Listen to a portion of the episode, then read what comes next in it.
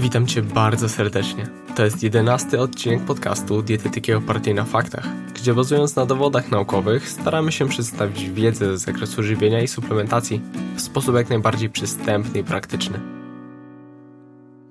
Optymalna ilość i jakość snu to jedna z kluczowych kwestii, o które zadbać powinien każdy z nas, niezależnie od celu.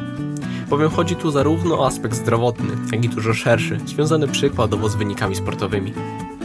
Dzisiaj razem z moim gościem Pawłem Szewczykiem porozmawiamy na tematy obejmujące czynniki dietetyczne, suplementacyjne i inne wpływające na poprawę jakości snu.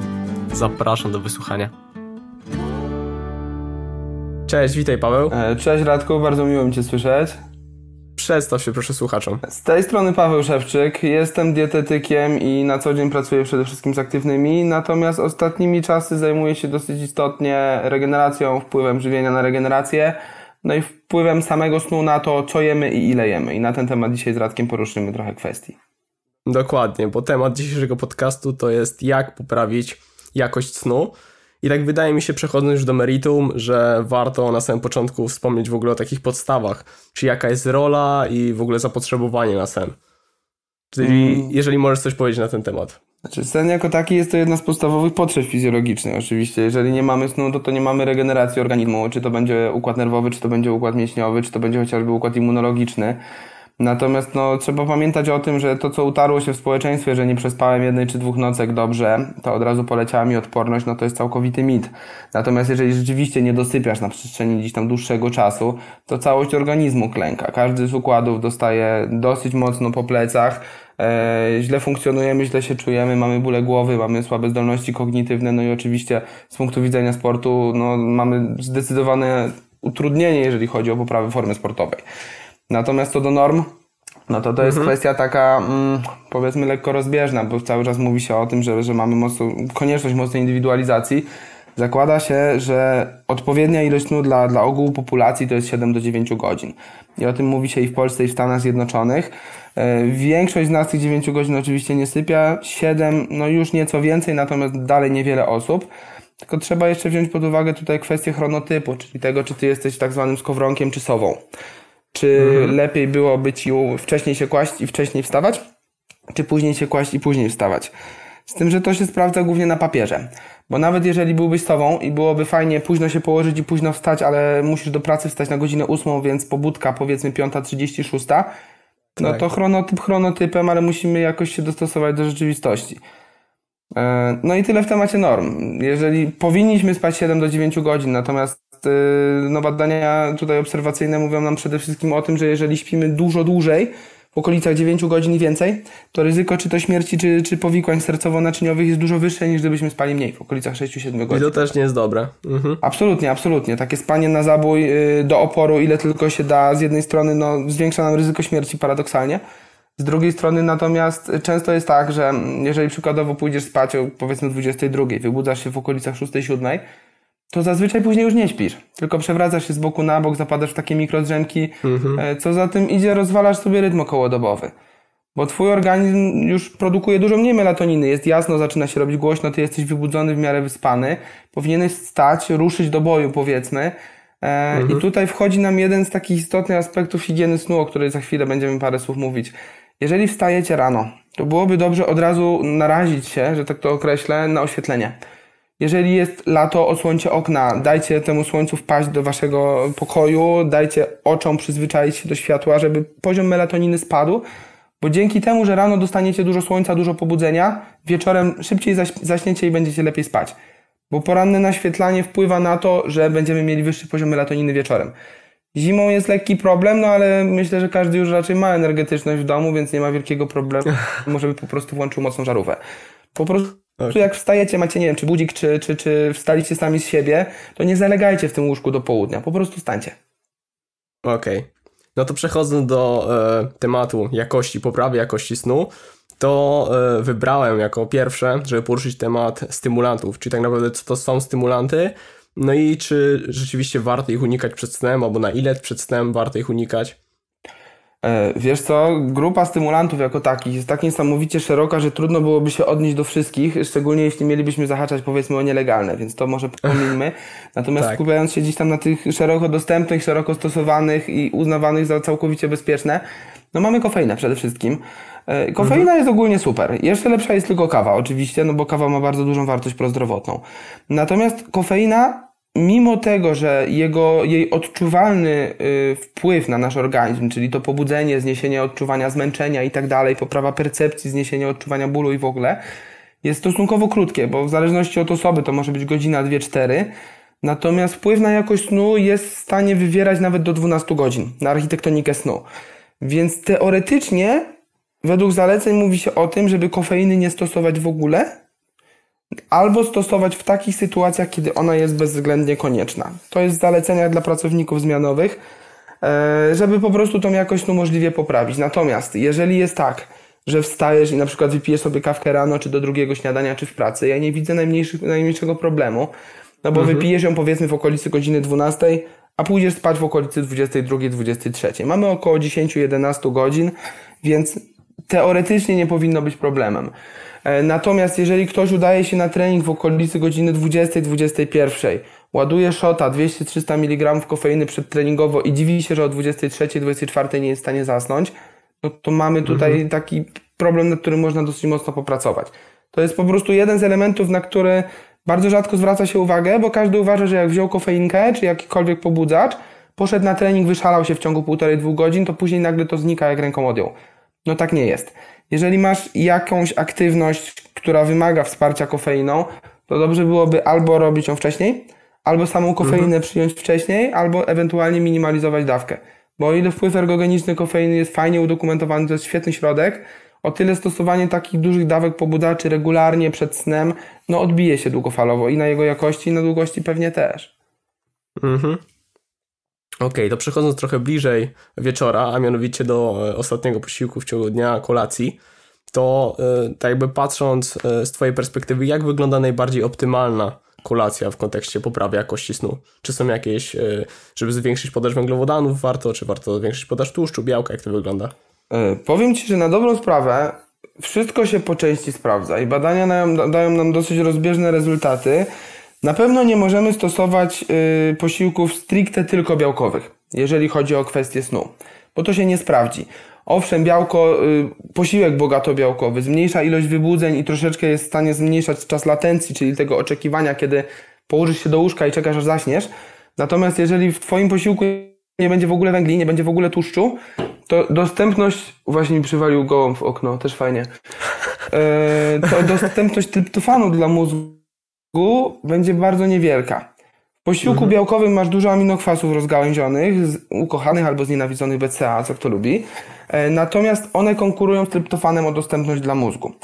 Jeżeli BCA będzie dużo, tryptofanu będzie mało, no to automatycznie jest mniejsza możliwość wychwytu tryptofanu, a w dalszej perspektywie produkcji najpierw serotoniny, później melatoniny. Bo z tryptofanu powstaje melatonina. W przebiegu tam około pięciu przemian, yy, ale musi ten tryptofan być dostarczony. I są mhm. dwie drogi, jak gdyby, zwiększenia dostępności tryptofanu. Jedna to jest podaż węglowodanów, czyli kolację high carb, e, mhm. gdzie wtedy mamy zwiększony wyrzut insuliny. Insulina jak gdyby no, upakowuje nam oczywiście aminokwasy, przede wszystkim czy to będzie glikogen, e, produkcja glikogenu, czy to będzie produkcja energii, czy to będzie finalnie oczywiście mięsień, e, który dla BCA jest bardzo chętny. No i w efekcie mamy większą ilość dostępnego tryptofanu lub yy, lekki wysiłek fizyczny, z tym, że mówi się tutaj o wysiłku umiarkowanym albo takim całkowicie spokojnym. Więc ja zazwyczaj zalecam albo ćwiczenia oddechowe, jakąś jogę, albo delikatny stretching, żeby z jednej strony trochę się dotlenić, żebyś się zrelaksował, wiesz, miał taką chwilę dla siebie. Mhm. Yy, inna rzecz, że nam to doprowadzi do zwiększonej utylizacji i aminokwasów i glukozy, to za tym idzie znowuż tego tryptofanu wolnego będzie troszeczkę więcej, a przy tym zminimalizujesz wpływ stresu na zasypianie. A niestety stres to jest taki aspekt, na który mamy dosyć mały wpływ, przynajmniej większość myśli, że ma mały wpływ i on bardzo mocno przeszkadza w naszym spaniu. Można też stosować posiłki wysokotłuszczowe. Ja osobiście nie preferuję. Nigdy nikomu nie poleciłem kolacji typowo białkowo-tłuszczowych. Jeżeli ktoś do mnie docierał już jak gdyby z taką przeszłością, to najczęściej kończyło się to upośledzeniem jakości snu. Ten ktoś sypiał trochę gorzej albo zasypiał trochę dłużej. Natomiast badania naukowe mówią o tym, że zwiększenie ilości wolnych kwasów tłuszczowych w krwiobiegu może rzeczywiście e, wspomóc też tą dostępność tryptofanu. Więc jak gdyby tutaj dobranie indywidualne. Czy lepiej brać białko z węglami, czy lepiej brać białko z tłuszczem gdzieś w okolicy snu. E, natomiast o czym warto pamiętać, to jest jeszcze kwestia spożycia tego posiłku. No właśnie, na ile przed snem? Bo protokoły bywają bardzo różne i stosowane w praktyce i w badaniach e, były próby nad stosowaniem posiłku 4 godziny przed snem. To się trochę nie sprawdza, bo z jednej strony już masz no, wstępnie strawiony ten posiłek, z drugiej strony miałeś wychwyt aminokwasów, opakowanie glukozy i tak dalej. E, mhm. Ani ten posiłek nie będzie działał proanabolicznie, ani antykatabolicznie, ani pronasennie. 4 godziny to jest zwyczajnie za dużo. Najczęściej idzie się w stronę tego, żeby ten posiłek był spożyty około godziny do 2 godzin przed snem. Z tym, że kwestia jeszcze, jak wygląda Twój plan wieczoru, bo jeżeli wracasz z treningu na przykład, czy z pracy, czy skądkolwiek o 22 i chciałbyś się położyć spać o godzinie 23.30, no to nie zjesz sobie raczej takiego pełnowartościowego posiłku w formie stałej. To się może o tyle nie sprawdzić, że po prostu wymaga dosyć długiej obróbki enzymatycznej, trawienia i tak dalej nie będziesz czuł się komfortowo, nie będziesz dobrze spał, więc wtedy najczęściej jest to posiłek jakiś płynny. To może mhm. być WPC blendowane z kiwi, to może być twaróg blendowany z wiśniami. Tutaj i kiwi, i wiśnie mają fajne wsparcie literaturowe właśnie, jeśli chodzi o poprawę procesu snu. E, to może być no, na upartego nawet jakiś ryż zblendowany z maślanką i ewentualnie z owocami. Mhm. Natomiast warto, żeby gdzieś te węglowodany o trochę wyższym IG się pojawiały. Było też takie badanie dosyć ciekawe, gdzie stosowali ryż jaśminowy, no to mamy IG setkę, i inny rodzaj ryżu, którego w sumie nigdzie mi się nie udało w internecie znaleźć, ale on był porównywalny mniej więcej, jeśli chodzi o, o poziom podnoszenia glikemii do brązowego. I okazało się, że ten jaśminowy rzeczywiście dużo fajniej wpływał na proces snu, yy, mocno skracał latencję. Czyli jeżeli jadłeś przed snem posiłki, które mocno windowały glikemię, no i finalnie insulinemię, to szybciej zasypiałeś. To może nie jest dużo, ale nawet parę minut często jest w stanie zrobić diametralną różnicę w samopoczuciu. Mhm. Opowiedz, jak w przypadku alkoholu do kolacji, bo często jest tak, że e, jest takie przekonanie przynajmniej, że lampka wina do kolacji pomaga w zasypianiu. Jak to wygląda? Wiesz co, Radziu, a propos alkoholu w Polsce, to jest takie przekonanie, że wszystko i zawsze pomaga i w każdej ilości. E, piwo na nerki, tak. winko na serce i tak dalej, i tak dalej. Co do alkoholu, no to w sumie tak jak w większości kwestii nie mam dobrych wiadomości. Alkohol nam specjalnie nie pomaga, raczej szkodzi. E, wyjątkiem jest bezalkoholowe piwo, czyli w sumie powiedzmy coś z gremium alkoholowego, natomiast bez procentów. Bo podniesie glikemię. E, z jednej strony może podnieść glikemię, z drugiej strony chmiel ma właściwości lekko uspokajające mhm. i usypiające. I tutaj czy suplementy z ekstraktem z chmielu, czy właśnie napój z jakimś chmielem będzie się sprawdzał całkiem fajnie. Z tym, że wiadomo, w suplemencie mamy pewność, względną pewność, ale powinniśmy mieć względną pewność stężenia e, samych związków aktywnych z ekstraktu chmielu. Natomiast co do piwa, no w zależności od tego, jakie piwo kupisz, jeżeli ono miałoby mieć bardzo dużo chmielu, no to będzie gorzkie i mało spijalne. Większość osób tego nie zaakceptuje. Natomiast w badaniu, o ile dobrze kojarzę, to były chyba pielęgniarki, tam stosowali jedno małe piwo, 0,33 bączka bezalkoholowego i rzeczywiście fajnie im to wpłynęło na procesy snu.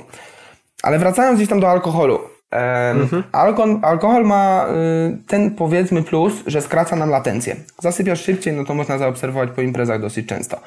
Jeżeli wracasz w formie powiedzmy względnej, no to w mhm. momencie, kiedy się położysz, to jest chwila, moment i cię nie ma.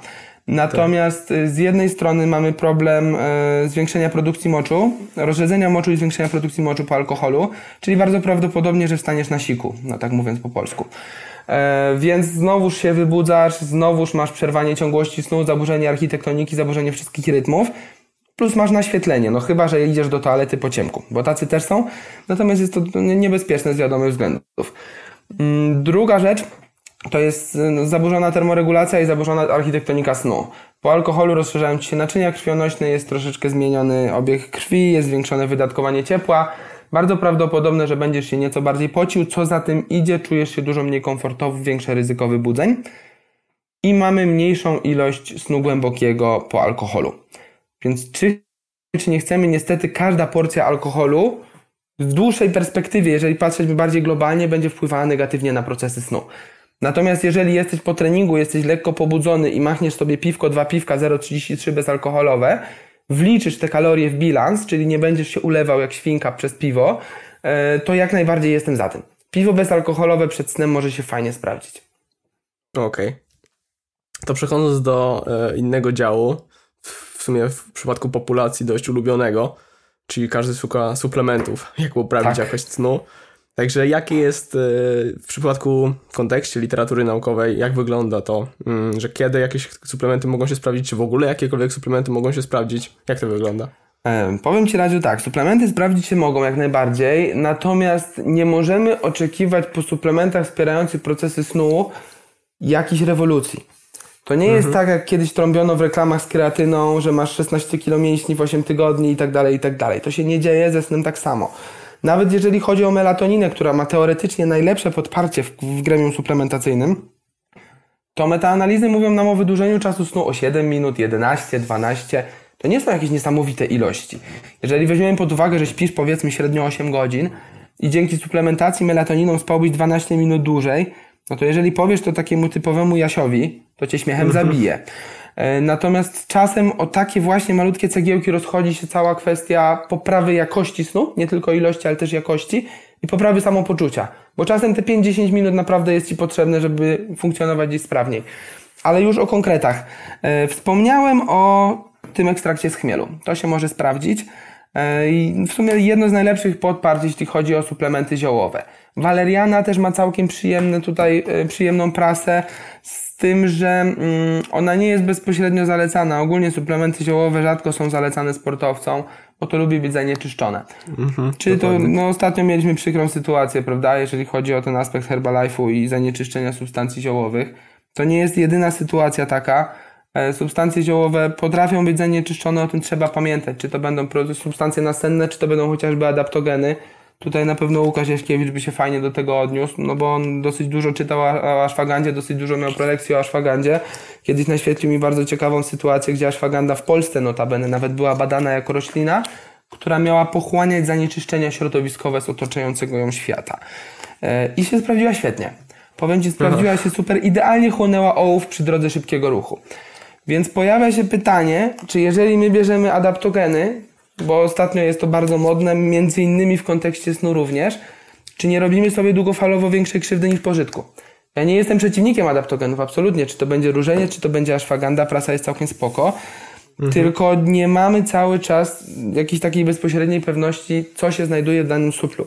Jeżeli kupujesz certyfikowany ekstrakt, to ta jakaś pewność jeszcze jest. Chociaż certyfikacja też jest chwilowa, Nikt tego nie sprawdza przy każdej partii, nie jest to jakoś no, tak połowane jak przy przemyśle farmaceutycznym. Więc ja zawsze podkreślam, że z suplementami ostrożnie, jeżeli nie trzeba, to nie brać. Jeżeli nie jesteś w stanie wyciągnąć czegoś z diety, z treningu, ze zmiany trybu życia, to idź po suple. Natomiast w kontekście snu tutaj 95% osób, z którymi współpracowałem, pierwsze co zastanawiało się, czy kupić walerianę, melisę, tryptofan mhm. czy melatoninę, a okazywało się, że zasypia przy telewizorze, Netflix pałuje przez całą noc i chodzi lampka nocna. No nie od tej strony zaczynamy, prawda?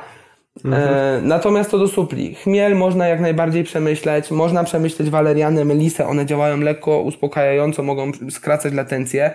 Mamy naszą piękną melatoninę, nasz naturalny hormon szyszynki. E, ona pomijając aspekt gdzieś tam wsparcia regeneracji działa bardzo mocno prozdrowotnie. Bo leciutko obniża glikemię, leciutko obniża e, poziomy lipidów, wpływa bardzo mocno przeciwnowotworowo i przeciwzapalnie. Z tym, że nie mamy wskazań jak gdyby do używania melatoniny jako leku, powiedzmy, w prewencji nowotworów. Natomiast i in vitro, i in vivo mamy tutaj wpływ przeciwzapalny, przeciwnowotworowy dosyć istotny. Dlatego ja melatoninę lubię. Mm, są jeszcze produkty pochodzenia no, odżywieniowego, powiedzmy, czyli mamy tryptofan jako mhm. suplementację aminokwasem, tutaj podstawowy ten substrat do produkcji melatoniny. Natomiast jeżeli nie musisz go suplementować, to możesz próbować go pozyskać z żywności.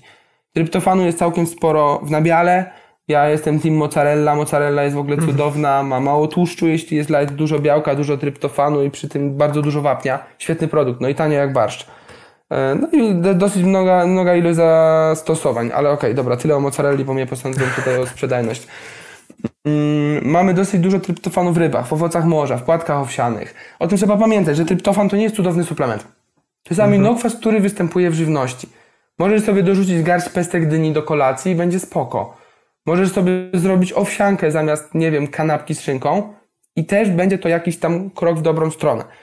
Była w 2000, o ile się nie mylę, 15 chyba taka praca, która była poświęcona bezpośrednio wspomaganiu snu sportowców i tam też było zaznaczone, że można ewentualnie rozważyć suplementację tryptofanem w okolicy 1 grama, ale to jest odpowiednik 300-gramowej porcji indyka i może rzeczywiście ten indyk byłby jakimś tam rozwiązaniem. Nie dla każdego, bo nie każdy je tyle mięsa, nie każdy w ogóle je mięso i nie każdy je 300 gramów indyka. Natomiast mhm. jest to jakaś rzecz, o której można by pomyśleć. Mm, no i jeszcze kolejne kwestie to są te owoce, o których mówiłem. To są wiśnie i słodkie i cierpkie, bo cierpkie mają najwięcej badań, mają największy jak gdyby wpływ tutaj prosportowy, czy to jest wpływ przeciwzapalny, czy to jest spadek domsów, przyspieszenie regeneracji, czy właśnie procesów snu. Natomiast o wiśniach słodkich też w literaturze troszeczkę się mówi. Więc jak ktoś ma cudowną babcię, która ma działkę z wiśniami, to idźcie i pozbierajcie sobie te wiśnie. Możecie je zamrozić, możecie je ewentualnie no, ugotować. Nie jestem pewien, jak tutaj będzie z wpływem e, obróbki termicznej. Natomiast czy zrobienie soku, yy, czy zamrożenie tych wiśni to jest świetny pomysł. Jeżeli nie wiśnia, no to może być kiwi. Kiwi mamy dostępne cały rok. Tutaj Michał Żywiecki yy, bardzo wspiera jedzenie kiwi ze skórką. Literatura naukowa Michała. też, tak, tak, dokładnie. Literatura naukowa też mówi o tym, że można kiwi ze skórką jeść, tym, że polecają złote, bo ma mniej włosów. Ja jeszcze się do tego nie przekonałem, mam jakiś wewnętrzny opór chyba, wolę zjeść dwa kiwi bez skórki niż jedno z. Mm, natomiast pamiętajcie o tym, że kiwi to jest taki realny superfood. Nie kręcimy się tutaj wokół nasion chia, bo mamy się mielniane. Nie kręcimy się wokół, nie wiem, spiruliny, chlorelli i tak dalej. Możecie iść sobie do jakiegokolwiek sklepu, wpadacie do Lidla, kupujecie kiwi, macie owoc, który po pierwsze wspiera sen, po drugie działa mocno przeciwutleniająco, po trzecie ma bardzo dużo związków biologicznych aktywnych, dużo błonnika, no i przy tym jest pyszny i stosunkowo niedrogi. Więc mhm. no, byłoby fajnie, gdyby tak wpływało jabłko, nasze swojskie polskie, ale niestety tak nie jest. Przynajmniej na razie nic o tym nie wiemy. I z supli raczej wiele więcej bym się nie wkręcał. Niekoniecznie jestem za tym, żeby na pierwszy rzut rzucać adaptogeny. E, raczej tutaj ja jestem za tym, żeby pracować na trybie życia żeby pracować na zasadach higieny snu, y, na porach udawania się na spoczynek, na aktywności wokół snu, później na diecie i dopiero jeżeli nic z tego nie wychodzi, to możemy rozważać tą suplementację. Ale zazwyczaj to są albo suple ziołowe, albo tryptofan, czy melatonina, czy właśnie zwiększenie albo spożycia owoców, kiwi, wiśni, albo mhm. ewentualnie mhm. ekstrakt z cierpkiej wiśni, czy sok z cierpkiej wiśni przed snem. Okej, okay, a co do jeszcze melatoniny, to jakie konkretne dawki są skuteczne? E, wiesz co, co do skuteczności dawek, to mamy tak niesamowitą rozbieżność, bo w no niektórych właśnie, badaniach mówi, dokładnie, w niektórych badaniach mówi się o dawkach 0,1-0,5 mg, w innych nawet 100 mg. Było badanie kliniczne, gdzie stosowali melatoninę, no co prawda nie nasennie, ale jakoś no, składową środka antykoncepcyjnego. Tam, o ile się nie mylę, była dawka 75 mg przez 4 albo 5 lat, dzień w dzień jako badanie kliniczne czwartej fazy. I nie, nie było żadnych znaczących skutków ubocznych, nie było żadnego zagrożenia zdrowotnego, więc dużych dawek melatoniny, pomijając gdzieś tam samopoczucie, e, nie bójmy się, ale po prostu zazwyczaj... Nie ma sprzężenia zwrotnego. Tak, nie? dokładnie, dokładnie, nie ma sprzężenia zwrotnego, więc no nie zblokujecie sobie szyszynki. Tylko druga kwestia jest taka, po co pałować się ogromnymi dawkami, jeśli nie miałoby to sensu. Mhm. E, zalecenia Polskiego Towarzystwa Badań nad Snem mówią tylko, że to są zalecenia względem osób pracujących zmianowo. Ale one się całkiem fajnie sprawdzają u osób z zepsutym rytmem okołodobowym, bo w sumie rozchodzi się o to samo. Rytm okołodobowy psujesz aktywnością i światłem najczęściej, czyli tym, co daje ci praca w porze nocnej. Wychodzi pod, podobna kwestia. Tam się mówi o dawkach 1 do 3 mg w porywach do 5. W zależności od tego, jak kto jest wrażliwy. Natomiast ja nigdy, nigdy, nigdy, nigdy nie zacząłbym od dawki 5 mg. Bo po co? Mhm. Mniejszej, dawek, mniejszej dawki niż 1 mg osobiście nie spotkałem, a na pewno nie ma jej jako leku, bo melatonina to jest jeszcze tyle plus, że możemy mieć suple, możemy mieć leki. E, mamy leki OTC, które idziesz do apteki, kupujesz bez recepty, nie ma problemu, masz pewność składu. Masz pewność składu, mhm. stężenia i tak dalej. E, nie widziałem mniejszych niż 1 mg, więc najczęściej od 1 mg zaczynam ewentualnie od pół miligrama, ale krojenie tabletek to też jest tak na dwoje babka wróżyła, bo nigdy dokładnie tego nie przekroisz. Mm, mhm. Jeżeli ktoś rzeczywiście nie reaguje, nie czuje się lepiej, nie zasypia szybciej, to można tą dawkę zwiększać, ale nigdy jeszcze mi się powyżej 10 mg nie zdarzyło wejść. Z tym, że rozmawiałem z osobami, które rzeczywiście przy 10 mg nie czuły różnicy. W takim wypadku nie wiem, czy sugerowałbym wyższą dawkę. Ja raczej po prostu doszedłem chyba do tego, że, że melatonina tutaj nie będzie miała przyszłości i szlibyśmy w, w jakieś takie bardziej drastyczne zmiany trybu życia. Bo wrzucanie komuś 20-30 mg melatoniny, nawet jeżeli poprawi mu y, poziom, zasyp- tempo zasypiania czy jakość snu, to najprawdopodobniej może spowodować tego, takiego kaca melatoninowego dnia kolejnego. Bo jeżeli dawkę masz zbyt wysoką, to na drugi dzień pojawiają się działania niepożądane melatoniny. Jakieś bóle głowy, lekkie zawroty, może być pogorszenie y, tempera, tempa reakcji, czy lekki spadek, spadek e, zdolności kognitywnych przez pierwsze godziny.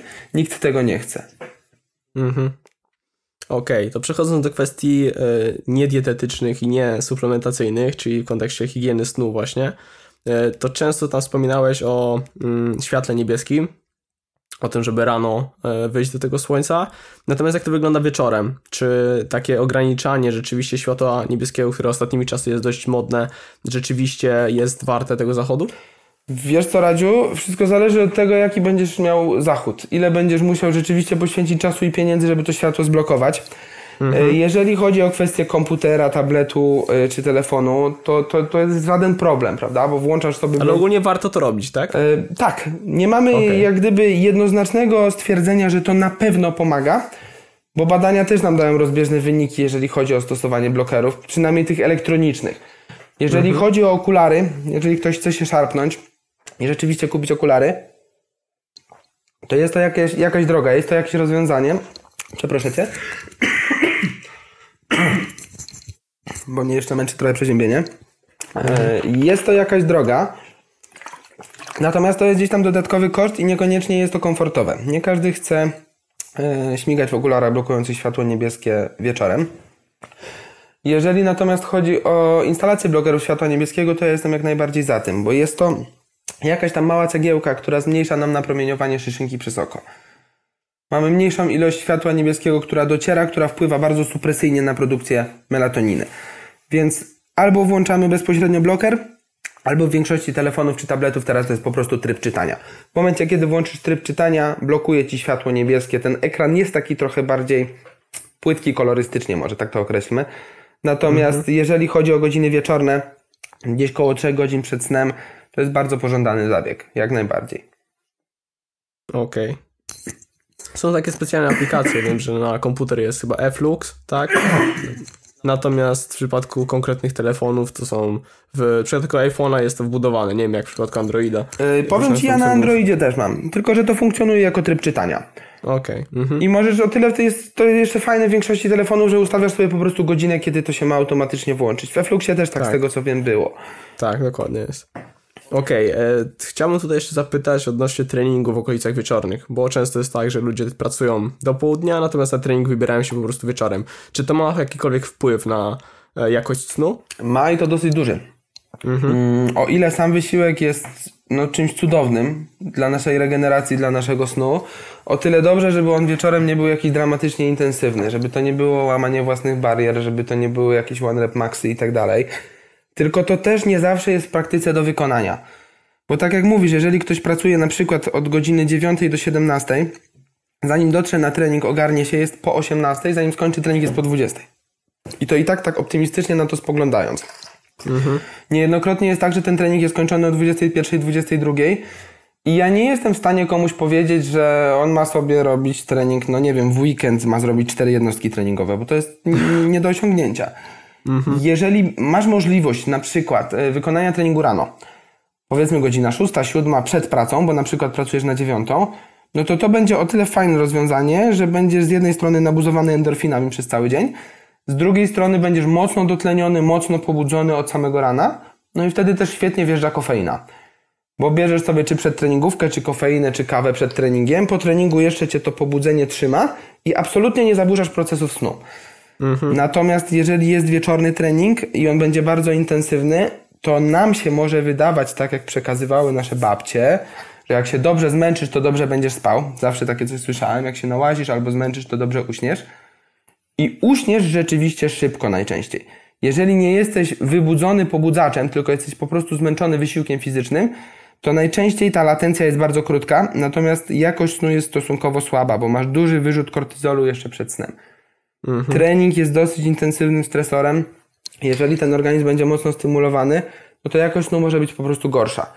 Czasem robię tak, że jeżeli mam kogoś, kto musi trenować wieczorem i te treningi są takie naprawdę, no, no okej, nie jest to bieganie z Jorkiem i nie jest to orbitrek 20 minut, tylko to jest zwykła siłówka, taka solidna, mm, to wrzucam więcej tryptofanu do posiłku ostatniego potreningowo. Nawet jeśli to jest koktajl, to dorzucamy albo płatki owsiane, albo supla z tryptofanem, Plus jeżeli jest problem ze snem, to wtedy jeszcze dobijam tą melatoniną. Bo Mhm. melatonina rzeczywiście jest nam w stanie tą równowagę kortyzolową troszeczkę opanować, wyciszyć ten organizm, przyspieszyć zasypianie i przynajmniej przez pierwszą część nocy poprawić jego jakość. Bo jeżeli chodzi o tam godzinę piątą, szóstą, siódmą, ósmą snu, no to ty już jak gdyby schodzi ci to pobudzenie potreningowe. Największy problem będzie na przestrzeni pierwszych 3-4 godzin. Wtedy jest najsilniejszy pik melatoniny, jeżeli ją przyjmiesz do ustnie. Więc można to jeszcze próbować w ten sposób rozwiązać. Mhm. Okej, jeszcze kwestia sypialni. Jak to wygląda? Czy warto wywietrzyć sypialnię przed spaniem? Czy jakaś konkretna temperatura? Bo niektórzy gr- grzeją kaloryfery po prostu na maksa, niektórzy Tak. lubią spać jak jest zimno. Jak to wygląda? Jeśli chodzi o grzanie tempera- kaloryferów maksymalnie, kobiety często tak lubią, to jest tragedia. To jest absolutna tragedia dla, dla organizmu, bo robi się duszno, robi się nieprzyjemnie, twój organizm nie wie, co się dzieje. Nasza temperatura ciała wewnętrzna, jeśli chodzi o ciepłotę ciała, czyli to, jakbyś sobie zmierzył termometrem, spada w trakcie snu. Melatonina doprowadza do tego, że twoja temperatura spada delikatnie, bo delikatnie, ale spada. A jeżeli ty na siłę próbujesz ten organizm rozgrzać, to troszeczkę wprowadzasz go w taki stan osłupienia, bo on naprawdę nauczył się na przestrzeni wieków, że w nocy robi się chłodniej. W nocy nie operuje światło, więc robi się chłodniej, robi się ciemno, idziemy spać. Więc wietrzenie sypialni, to o czym wspomniałeś, to jest świetna rzecz, bo z jednej strony normuje nam temperaturę, tylko też oczywiście staramy się nie doprowadzić do tego, żeby tam było 5 stopni. Za to optimum uznaje się okolice 19-20 stopni Celsjusza. Natomiast jeżeli ktoś będzie miał 21 czy 22, to nie ma jeszcze wielkiej tragedii. Ale jak słyszę, że ktoś sypia w temperaturze 25 i więcej, to już naprawdę nie można się dziwić, że rano wstaje niewyspany, oczy podkrążone, głowa boli. Bo po prostu organizm nie jest w stanie się zregenerować. Mm, Druga rzecz, jako plus wietrzenia, no to jest dostępność tlenu, Radziu. Bądźmy szczerzy, jeżeli nie masz powietrza, jeżeli nie masz tlenu, to jak twój organizm ma funkcjonować sprawnie? Jak twoje komórki mają być prawidłowo dotlenione? A jeżeli my postąpimy jak typowa polska cebula, czyli rozkręcimy kaloryfer raz za dobrze, nie otworzysz okna, bo ci szkoda ciepła, no to potem jest problem, bo siedzisz w zaduchu, jest gorąco, śmierdząco, pełno bakterii, pełno kurzu. Yy, inna rzecz, wcale specjalnie nie oszczędzasz tej energii cieplnej. Ja nie mówię, żeby odkręcać kaloryfer maksymalnie i otwierać okno, bo to wtedy rzeczywiście szkoda nam no i pieniędzy i środowiska. Efekt cieplarniany nie jest mitem. Natomiast jeżeli zakręcisz kaloryfer powiedzmy 20-30 minut wcześniej, on sobie spokojnie ostygnie, nawet jak masz starego, starego żeliwniaka, Później otworzysz okno. Jak bardzo ci szkoda tego ciepła, to obłóż, nie wiem, kaloryfer poduszkami, zrób co chcesz, żeby on się nie ostudził tak bardzo. Otwórz okno, żeby wymienić powietrze w sypialni. Jak zamkniesz okno, na przykład po prysznicu czy po przebraniu, cokolwiek, daj temu z 10-15 minut takiego mocnego wietrzenia, odkręć kaloryfer z powrotem, w tej sypialni na momencie będziesz miał ciepło, ale nie będzie duszno, nie będzie parno, będziesz mógł spokojnie sypiać. Więc to jest jedna z najistotniejszych kwestii, to o czym wspominałeś, żeby wywietrzyć, żeby troszeczkę schłodzić sypialnię. No i dobrze, żeby w sypialni było jeszcze ciemno i cicho. Bo jeżeli ktoś ma latarnię uliczną bezpośrednio przy oknie i nie chce inwestować w rolety, no to dobrze, żeby zainwestował chociaż w opaskę na oczy. To nie jest dużo, to jest 10 zł i specjalnie nie utrudnia to snu. Jakoś nie zaburza komfortu, no bo to masz jedną gumkę dookoła głowy i pasek materiału na oczach a zmniejszasz jednak stymulację narządu wzroku światłem. Nawet jeżeli zamkniesz sobie oczy, jeżeli byś sobie wyobraził, że jesteś na przykład gdzieś wieczorem pod latarnią, bardzo źle to zabrzmiało, nie, nie o to mi chodziło. E, Powiedzmy, że jesteś pod halogenem jakimś. Zamkniesz oczy, to mimo, że powieki blokują bardzo dużo światła, to jednak widzisz, że jest jasno. I twoje oko Tak. też widzi, że jest jasno, i twoja szyszynka też widzi, że jest jasno. Jakby tego było mało, robili jeszcze takie ciekawe doświadczenia, gdzie naświetlali y, uczestników nie na głowę, tylko na nogę. Świecili im tylko promieniem świetlnym na nogę i to im też zaburzało jakość snu. Więc nie tylko chodzi nam o to, żeby oczka zasłonić, natomiast to jest najważniejszy aspekt. Jeżeli nie masz prostu musi rolet, być ciemno. tak, dokładnie. Niech w nocy jest ciemno. Jak zbliża ci się wybudzanie, no to nie ma problemu, jak zbliża ci się pora, kiedy masz staczki, że, że na przykład, nie wiem, będziesz się ruszał, zdejmiesz tą opaskę, albo ktoś będzie wstawał przed tobą i będzie wiedział na przykład, że za pół godziny masz budzik, odsłoni okna i już się zrobi tak albo półmrok, albo nawet w miarę jasno w sypialni. Nie ma sprawy. Nawet dobrze, żebyś zaraz po przebudzeniu dostał tego świetlnego szota. Natomiast kiedy masz spać, dobrze, żeby te oczy miały ciemność. Okej. Dobra, e, Paweł, także na koniec jeszcze przypomnij proszę, gdzie można Cię znaleźć. We Wrocławiu, jak mam być szczery. Nie, dobra, bez śmiechów. E, Szewczyk Paweł, diete, Paweł Szewczyk Dietetyk. Czy na Facebooku, czy na Instagramie. Moja aktywność na Instagramie może nie jest powalająca, bo trochę niekoniecznie ogarniam ten serwis. Natomiast Mhm. jeżeli chodzi o Face'a, serdecznie zapraszam. Jeżeli macie ochotę przeczytać coś ciekawego, od czasu do czasu wrzucam jakieś arciki. No jak nie, to kontaktujcie się z Radziem, on wam bardzo chętnie przekaże na pewno jakieś nowinki też. Fajnie. Dobra, to super. To dziękuję Ci bardzo, że przyjąłeś moje zaproszenie Serdeczne dzięki Radziu i mam nadzieję, że do usłyszenia jeszcze i niebawem. do usłyszenia niebawem. Hej. Na razie. Jeszcze raz dziękuję Paweł za rozmowę. Przypomnę tylko, że notatki do tego odcinka można znaleźć pod adresem dietetyka oparte na faktach.pl ukośnik 011, tak jak 11 odcinek podcastu. To już tyle ode mnie. Do usłyszenia już niebawem. Hej!